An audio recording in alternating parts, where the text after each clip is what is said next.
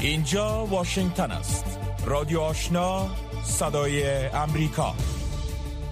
شنونده های عزیز سلام. و برنامه خبری صبحانه رادیو آشنا خوش آمدید که به میزبانی من نسرین محمود عزیزی و همکارم میرویس رحمانی ترتیب شده است. نخست همکارم با خبرهای از افغانستان منطقه و جهان. سلام شنونده های عزیز صبح بخیر. کشورهای عضو سازمان پیمان امنیت جمعی به رهبری روسیه وضعیت در افغانستان را نگران کننده توصیف کردند.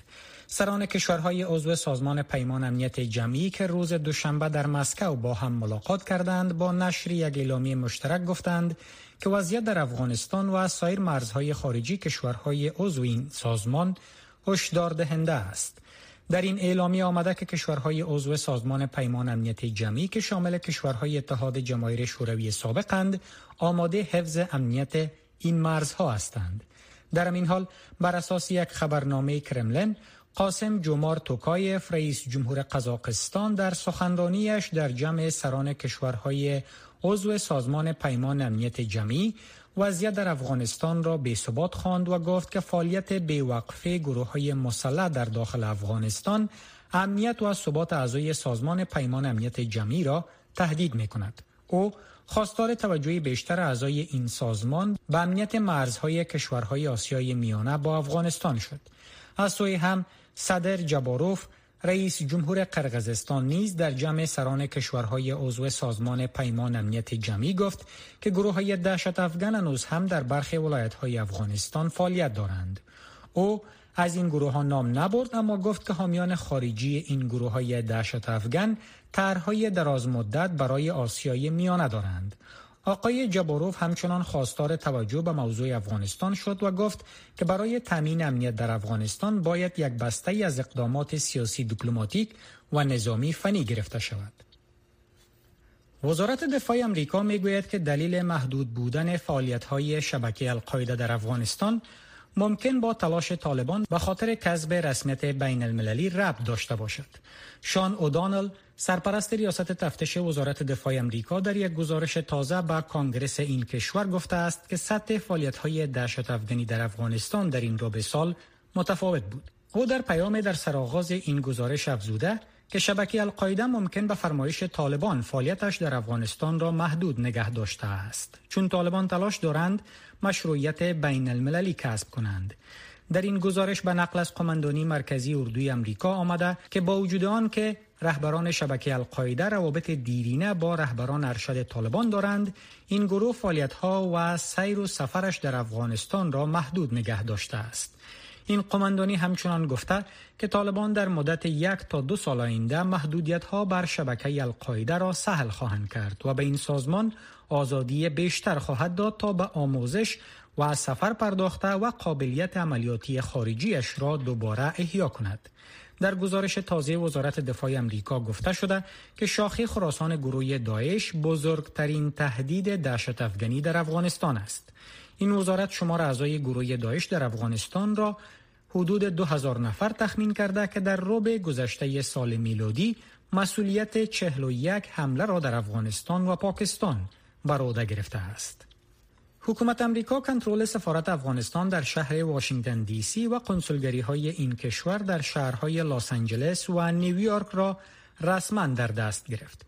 وزارت خارجه امریکا روز سهشنبه اعلام کرد که مسئولیت کامل امنیت و حفظ و مراقبت این ماموریت های دیپلماتیک را سر از روز دوشنبه 16 می بر گرفت. این وزارت گفته که ورود هر کسی به ساختمان سفارت و کنسولگری های افغانستان بدون اجازه وزارت خارجه امریکا تا اطلاع بعدی ممنوع است.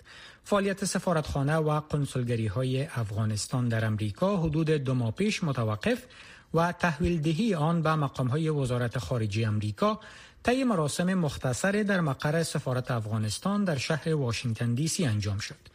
در پی مزدود شدن ماموریت های دیپلماتیک افغانستان در امریکا، سفارت افغانستان در کانادا ارائه خدمات قنسولی را به افغان های مقیم امریکا آغاز کرده است.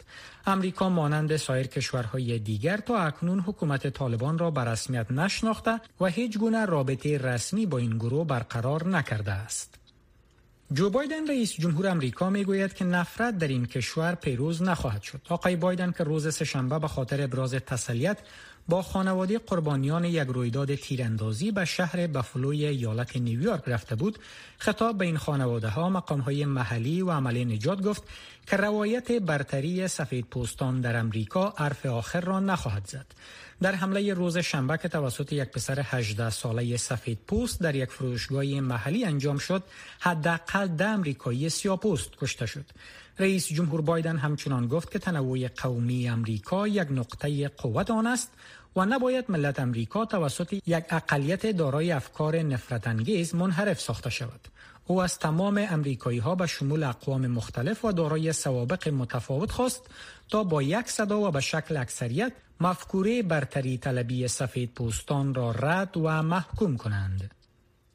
سعید خطیبزاده سخنگوی وزارت خارجه ایران می‌گوید که در مذاکرات بین نمایندگان ایران و عربستان سعودی از ماه اپریل تا اکنون کدام پیشرفت جدید به دست نیامده است. پیش از این یک قانونگذار ایرانی خبر داده بود که قرار است به زودی وزرای خارجه ایران و عربستان سعودی در عراق با هم ملاقات کنند و روی برخی مسائل به شمول بازگشایی سفارتخانه های دو کشور و بحران یمن بحث کنند. اما سخنگوی وزارت خارجه ایران گفت که هنوز در مورد چگونگی ادامه مذاکرات بین تهران و ریاض و سطح این مذاکرات تصمیم گرفته نشده است. پنجمین دور مذاکرات های ایرانی و عربستانی در ماه اپریل در عراق برگزار شد و تهران این مذاکرات را مثبت توصیف کرده است. ایران و عربستان سعودی که دو رقیب سرسخت در منطقه تلقی می شوند در سال 2016 روابط دیپلماتیک با یکدیگر را قطع کردند. یکی از شاهراهای مهم پاکستان برای دومین روز توسط معترضان مسدود ماند. صدها معترض در واکنش به بازداشت دو زن توسط نیروهای امنیتی پاکستان شاهراهی را که شهر کویته مرکز ایالت بلوچستان را به بندر گوادر وصل می کند از روز دوشنبه به این سو با تحسن مزدود کردند. نیروهای امنیتی پاکستان ادعا دارند که این زنان قصد انجام حملات انتحاری را بر شهروندان چین داشتند اما معترضان این اتهام مقام های امنیتی پاکستان را رد کرده و خواستار رهایی فوری این زنان که گمان می رود از قوم بلوچ باشند شدند.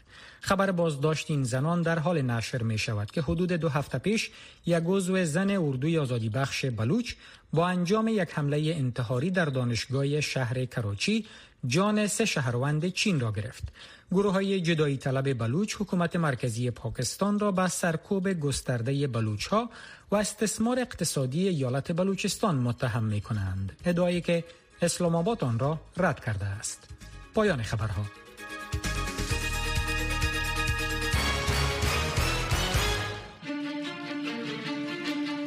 روکو راست صحبت های داغ صاحب نظران در مورد خبرها و مسائل روز هر شام از ساعت 8 تا 9 شب در برنامه مشترک دری و پشتوی رادیو آشنا صدای امریکا. بخش زنده این برنامه را در نشرات ماهواره صدای امریکا نیز دنبال کرده می توانید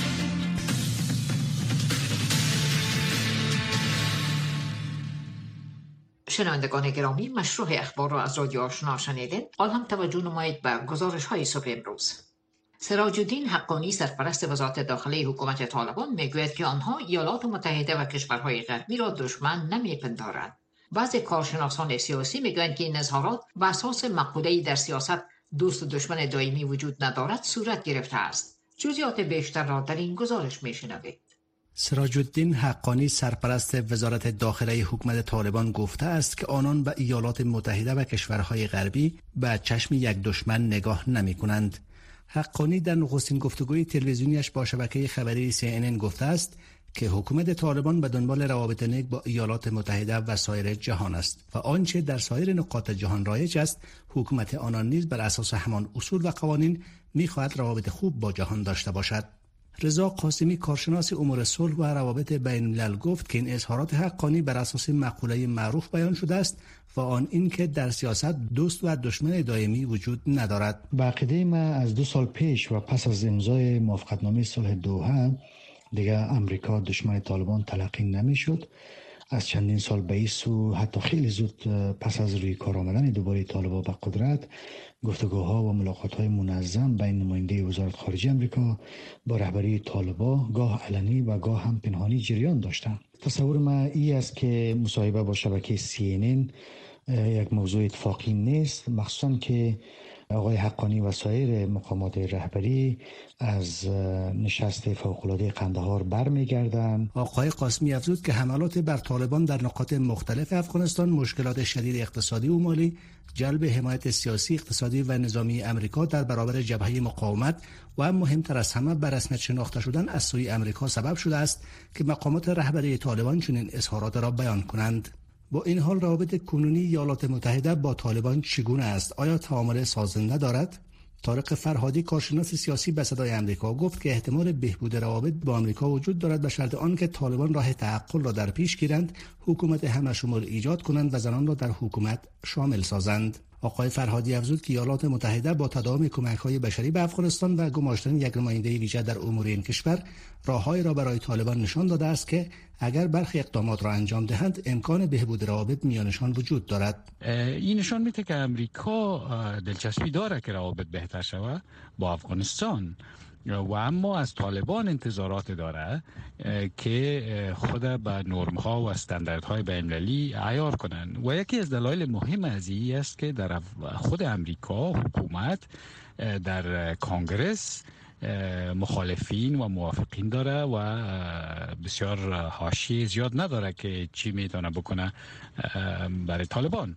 همچنان به گفته آقای فرهادی در مذاکرات قطر توافق شده بود که نام طالبان از فهرست سیاه خارج شود. اما با حضور آن گروه در کابل و اقدامات چون ممنوعیت کار و آموزش زنان و دختران شرایط را دشوار ساختند.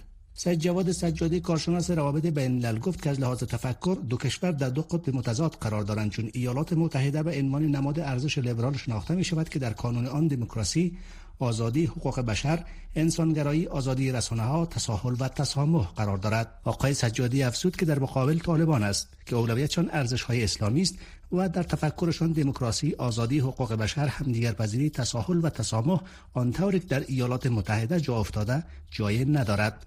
این کارشناس روابط بین روابط کنونی امریکا و طالبان را وضعیت کرختی پس از شوب توصیف کرد و افزود. ایالات متحده و طالبان بر اساس قرارداد دوحه باید با هم کار می‌کردن و باید با هم تعامل می‌کردن ولی تسلط یکباری طالبان بر کابل و خروج بسیار شتاب زدی ایالات متحده از افغانستان روابط طالبان و ایالات متحده را در یک وضعیت خاص قرار داده. و گفته آقای سجادی در چنین شرایط خاص هر دو جانب به گونه عمل می کنند که طرف مقابل برای گرم شدن روابط گام های اول را بردارد. طوری که در حال حاضر طالبان منتظرند که گام اول را ایالات متحده بردارد و برای برسمیت شناختن حکومتشان مانعی ایجاد نکنند. از سوی دیگر به باور آقای سجادی ایالات متحده با سرمایه‌گذاری 20 ساله در افغانستان توقع دارد که طالبان به بخش از این دستاوردها توجه کنند حقوق بشر اقلیت‌ها و زنان را رعایت نمایند به آزادی رسانه ها توجه نشان دهند و آن را تضمین کنند. صدای امریکا رادیو آشنا 100.5 FM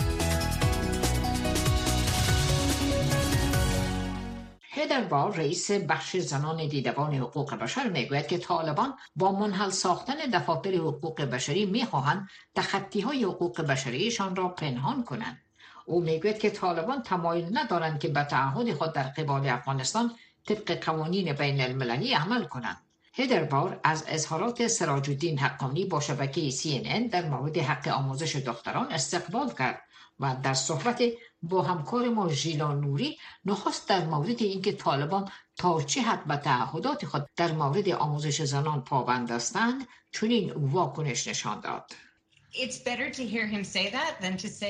این اظهارات به این معنی است که بهتر از آن است که بشنویم که این مسئله را فراموش کنید که هرگز این کار را نخواهند کرد. اما او و سایر رهبران طالبان قابل اعتماد نیستند. وعده های آنها چیزی نیست به خاطر که بارها تعهدات خود را شکستند. اما نظریات آنها را در مورد احترام و حفظ حقوق زنان در بحث هایی که در دوحه با ایالات متحده داشتند شنیدیم. در کنفرانس خبری هفته آگست آگست نیز این حرفا را زدند و در 21 مارچ نوروز نیز گفتند که مکاتب را بازگشایی می کنند اما آنها تا کنون بارها تعهدات خود را عملی نکردند چرا اکنون باور کنیم که آنها واقعیت را می‌گویند؟ امیدوارم که آقای حقانی آنچه که می‌گوید واقعیت باشد و ما مشتاق عملی کردن آن هستیم. طالبان پنج نهاد حقوق بشر در افغانستان را منحل ساختند. این مسئله برای حفاظت از حقوق بشر در افغانستان چی معنی دارد؟ So, اقدام طالبان در منحل ساختن نهادهای حقوق بشری به این معنی است که کمیسیون مستقل حقوق بشر به طور مؤثر در افغانستان فعال نبود. با وجود وضعیت حقوق بشر بسیار دشوار بود که آنها به طور رسمی این نهاد را منحل سازند. این یکی از نهادهای مهم در افغانستان به شمار می رفت و طی 20 سال گذشته دستاوردهای نیز داشت. این نوع بنیادها به عنوان نهادهای ملی حقوق بشر شناخته می شوند و در 120 کشور جهان وجود دارد و باید در هر کشور باشد. دلیل اینکه دفاتر حقوق بشر به طور مستقل فعالیت می کنند این است که آنها حکومت را در برابر اقداماتشان مسئول قرار دهند و از تخطی های حقوق بشر در برابر مردم جلوگیری نمایند. و باعث تغییر در رفتار حکومت و احترام به حقوق بشر گردند. Uh, uh, فکر می‌کنید به این معنی است که طالبان می‌خواهند تخطی های حقوق بشر و آزار اذیت مردم پنهانکاری کنند و کسی آنها را مسئول قرار ندهد؟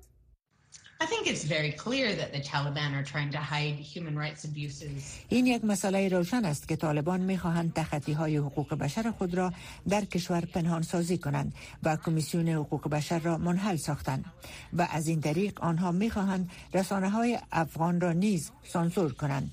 و ما از شمار خبرنگاران در ولایات آگاه شدیم که طالبان می‌خواهند گزارش های آنها را بررسی کنند و بعدا برای نشر تایید کنند. این مسئله تلاش آنها را برای کنترل معلومات و جلوگیری از بلند کردن صدای مردم نشان می‌دهد و نمی‌خواهند کسی در مورد اقدامات آنها سند داشته باشند.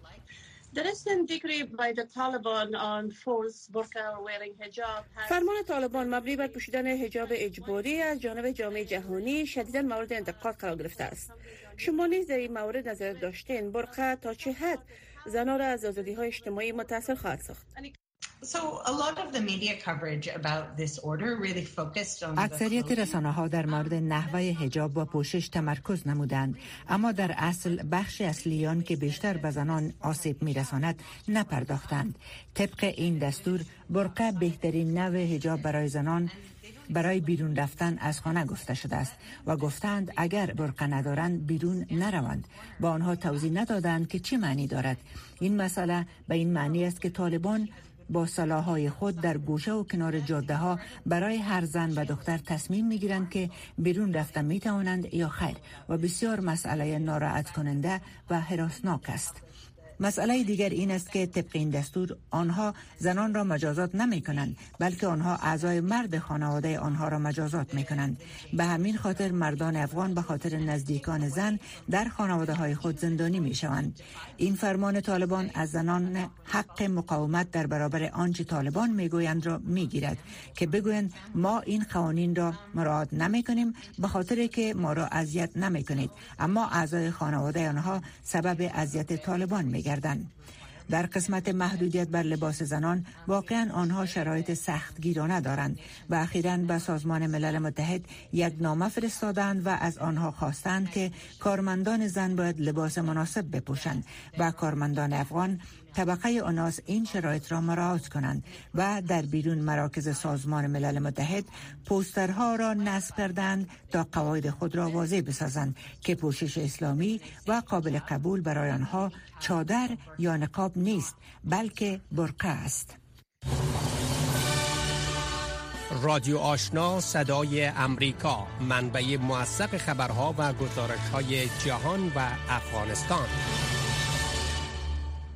شماری از شهروندان افغان در ایالت کالیفرنیا ایالات متحده در یک گرد همایی از بیتوجهی جامعه جهانی به وضعیت افغانستان انتقاد کرده و از کشورهای حامی افغانستان خواستند تا با وضعیت افغانستان توجه کنند. این فعالان هشدار دادند که فراموشی مجدد افغانستان می تواند پیامدهای زیانبار برای تمام کشورهای منطقه و جهان داشته باشد. جزیات بیشتر را از همکار ما فهیم صدیقی می شنوید نهادهای حامی پناهجویان و افغانهای ساکن در ایالت کالیفرنیای امریکا خانواده های افغان را که در ماهای اخیر به امریکا منتقل شدن گرد هم جمع کردند و تا در کنار استقبال از آنها در زمینه وقف دادن آنها با جوامع و همسایه های امریکاییشان کمک کنند. فعالان جامعه افغانی در ایالت کالیفرنیا می‌گویند که تلاش کردند تا تجاربشان را در زمینه تنظیم زندگی بهتر در کنار جوامع دیگر با این خانواده ها شریک سازند. یکی خوب ما می‌خواهیم که یا از این شاکی دوری وطن برای که مردم بشینه یک چند ساعتش با خوشی تیر شوه. دیگه ای که یا زندگی آینده ما چی میشه؟ چه قسمی بتانیم که کامیاب باشیم در امریکا؟ و کمپانی ما همیشه پروگرام های می داشته باشند تا که هموطنای ما با مو سیستم امریکا بلد شوند یا یک کمک از خانه و از جنجال های روزگار براین و برای یک ساعت دو ساعت همراه هموطنای دیگه خود ببینن با هم دیگه صحبت کنن و یک پیاله چای بنوشن زنان و کودکان در اینجا در کنار هموطنانشان خوش به نظر می رسند. و خانواده هایی که در این برنامه شرکت کرده اند می‌گویند از تجارب افغان هایی که سالها در امریکا زندگی کرده اند می آموزند. و این بهترین روش برای تنظیم زندگی آنهاست. در کل ارجبی که ما از این برنامه داشتم بسیار یک برنامه خوب بود. از که یک دید با دید از دوستا داشتن از افغانایی که سابقا مقیم امریکا هستن و افغانایی که فعلا آمدن داخل خاک امریکا شدن. چون ها و تمام مسائل جای دور است همگی رایت ندارن برن. چرا یک برنامه خوب بود یک دید و دید بسیار خوب بود. ما بتانیم که امرای افغانای عزیز خود یک جای شویم اظهار نظر کنیم. بسیاری چیزا را از اونا بیاموزیم و چیزایی که ما یاد داریم امرای از تقسیم کنیم. با سقوط حکومت پیشین افغانستان و حاکمیت طالبان بر افغانستان ده ها هزار نفر این کشور را ترک کردند. که از آن جمله حدود 75 هزار نفر به ایالات متحده امریکا منتقل شدند. با آنکه این خانواده ها با دشواری های آغاز یک زندگی جدید در یک محیط متفاوت و ناآشنا روبروند اما ابراز خورسندی می‌کنند که در یک فضای امن و دور از هر گونه تهدیدات امنیتی زندگی تازه را با خانواده هایشان آغاز کردند. تلویزیون آشنا دریچه شما و سوی جهان نه تنها در صفحه تلویزیون بلکه در صفحه اختصاصی فیسبوک تلویزیون آشنا. در وبسایت دری با آدرس voanews.com دری. در یوتیوب با آدرس VOA افغانستان دری. و در صفحه اینترنتی تویتر. تلویزیون آشنا در هر زمان و هر مکان پیوند دهنده شما با جهان. مجلس سنای ایالات متحده امریکا با 81 رأی موافق و 11 رأی مخالف بسته کمکی به اوکراین را برای رأیگیری نهایی تایید کرده است. این بسته که ارزش آن به 40 میلیارد دلار می رسد قرار است بعد از تاییدی این مجلس و توشیح آن از سوی رئیس جمهوری ایالات متحده در قالب کمک های نظامی و غیر نظامی به اوکراین داده شود. اقدام اخیر از سوی مجلس سنای ایالات متحده در حال اتخاذ گردیده که نظامیان روسی موفق به تسخیر آخرین سنگر مقاومت اوکراینی ها در شهر ماریوپول شدند. تفصیل موضوع را از سید عزیز الرحمن می شنوید. وزارت دفاع روسیه می‌گوید که بیش از 250 سرباز اوکراینی که در کارخانه تولید آهن آزوفستال در شهر ماریوپول مقاومت می‌کردند تسلیم شدند. کارخانه آزوفستال آخرین سنگر مقاومت اوکراینی ها در ماریوپول محسوب می شد. چرا؟ تسلیم شدن جنگجویان واحد نشنالیست آزوف که در کارخانه آزوفستال محاصره بودند دیروز آغاز شد. در جریان 24 ساعت گذشته 265 جنگجو به شمول 51 نفر زخمی سلاح خود را به زمین گذاشته و تسلیم شدند. همه کسانی که ضرورت به تداوی داشتند به یک شفاخانه در جمهوری مردمی دونتسک منتقل شدند. نظامیان اوکراینی برای 82 روز در این کارخانه مقاومت کردند. با تصفیه این محل روسها کنترل کامل بر شهر ماریوپول را به دست آورده که می توانند یک مسیر ارتباطی را میان این شهر و شبه جزیره کریمیا تامین کنند. اردوی اوکراین که از کاربرد عبارت تسلیم شدن خودداری می کند به روز سهشنبه تخلیه 264 سرباز اوکراینی از این کارخانه را تایید کرد ولادیمیر زلنسکی رئیس جمهور اوکراین می‌گوید که تلاش برای بازگشتاندن سربازان تخلیه شده ادامه خواهد داشت. در ارتباط به وضعیت در ماریوپول از عملکرد اردوی اوکراین قوای مسلح اوکراین استخبارات گروه مذاکراتی کمیته بین المللی صلیب سرخ و ملل متحد سپاسگزاری می کنم امیدوارم که بتوانیم زندگی سربازان خود را نجات دهیم. می خواهم تاکید کنم که اوکراین با اوکراینی های قهرمان زنده نیاز دارد. این اصول ماست. دمیتری پاسکوف سخنگوی ریاست جمهوری روسیه در مورد اینکه آیا با تسلیم شدگان به مسابقه مجرمین جنگی یا زندانیان جنگی برخورد خواهد شد پاسخ نداد. ولی گفت که با آنان مطابق به قوانین بین المللی برخورد صورت خواهد گرفت. مقامات اوکراینی می‌گویند که سربازان تسلیم شده ممکن با زندانیان روسی تبادله شوند. در همین حال فچسلاف ولادین رئیس پارلمان روسیه نظامیان اوکراینی را جنایتکاران نازی خواند اما گفت که باید با زندانیان روسیه تبادله شوند از آغاز تهاجم روسیه بر اوکراین که به تاریخ 24 ماه فبروری سال روان میلادی آغاز شد بیش از 3000 غیر نظامی در آن کشور کشته و هزاران غیر نظامی دیگر زخمی شده اند. هفت روز هفته با رادیو آشنا صدای امریکا جو بایدن رئیس جمهوری ایالات متحده اجازه اعزام حدود 500 سرباز به سومالیا جهت انجام عملیات علیه گروه شورشی از شباب مرتبط به القاعده را صادر کرد. این تغییر تصمیم دوران ترامپ برای خروج نیروها در حال صورت می‌گیرد که پارلمان این کشور رئیس جمهور جدید را انتخاب می کند. گزارش انیتا پاول خبرنگار صدا امریکا را از نجیب خلیل میشنوید رئیس جمهور جدید سومالیا به زودی شاهد بازگشت نیروهای امریکایی به کشورش خواهد بود. این 500 نیروی نخبه وظیفه عقب راندن الشباب گروه افراطی تندرو را بر عهده دارد که بیش از 15 سال است که سومالیا را به ثبات ساخته است. این اقدام رئیس جمهور بایدن تصمیم اداره ترامپ را مبنی بر خروج تمام 700 نیروی نظامی در سال 2020 از آن کشور لغو کرد. کارن جین پیر سخنگوی قصر سفید می‌گوید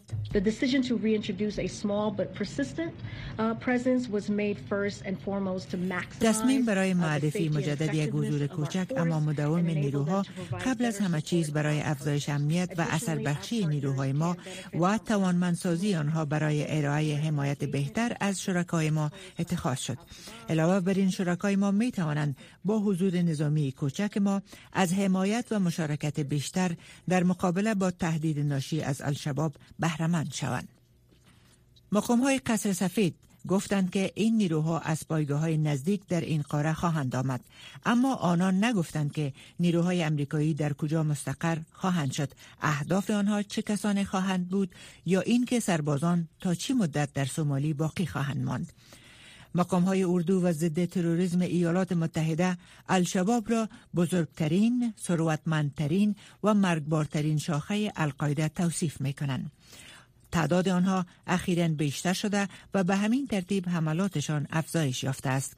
آنها حداقل سی سرباز بروندی را در جریان حمله به پایگاه اتحادیه افریقا در جنوب سومالیا در اوایل این ماه کشتند. پس از نبرد مگادیشو در سال 1993 که منجر به کشته شدن 18 نظامی امریکایی شد مردم ایالات متحده مدت هاست که نسبت به دخالت در سومالیا محتاط هستند. وزارت دفاع ایالات متحده از این تصمیم دفاع کرد. مشخص نیست که رئیس جمهور جدید سومالیا که روز یکشنبه انتخاب شد این درخواست را مطرح کرده است یا خیر.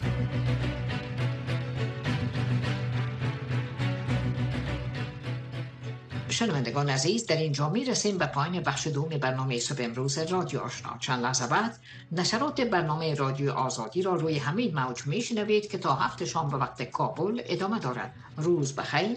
خداوند یار و یاور شما.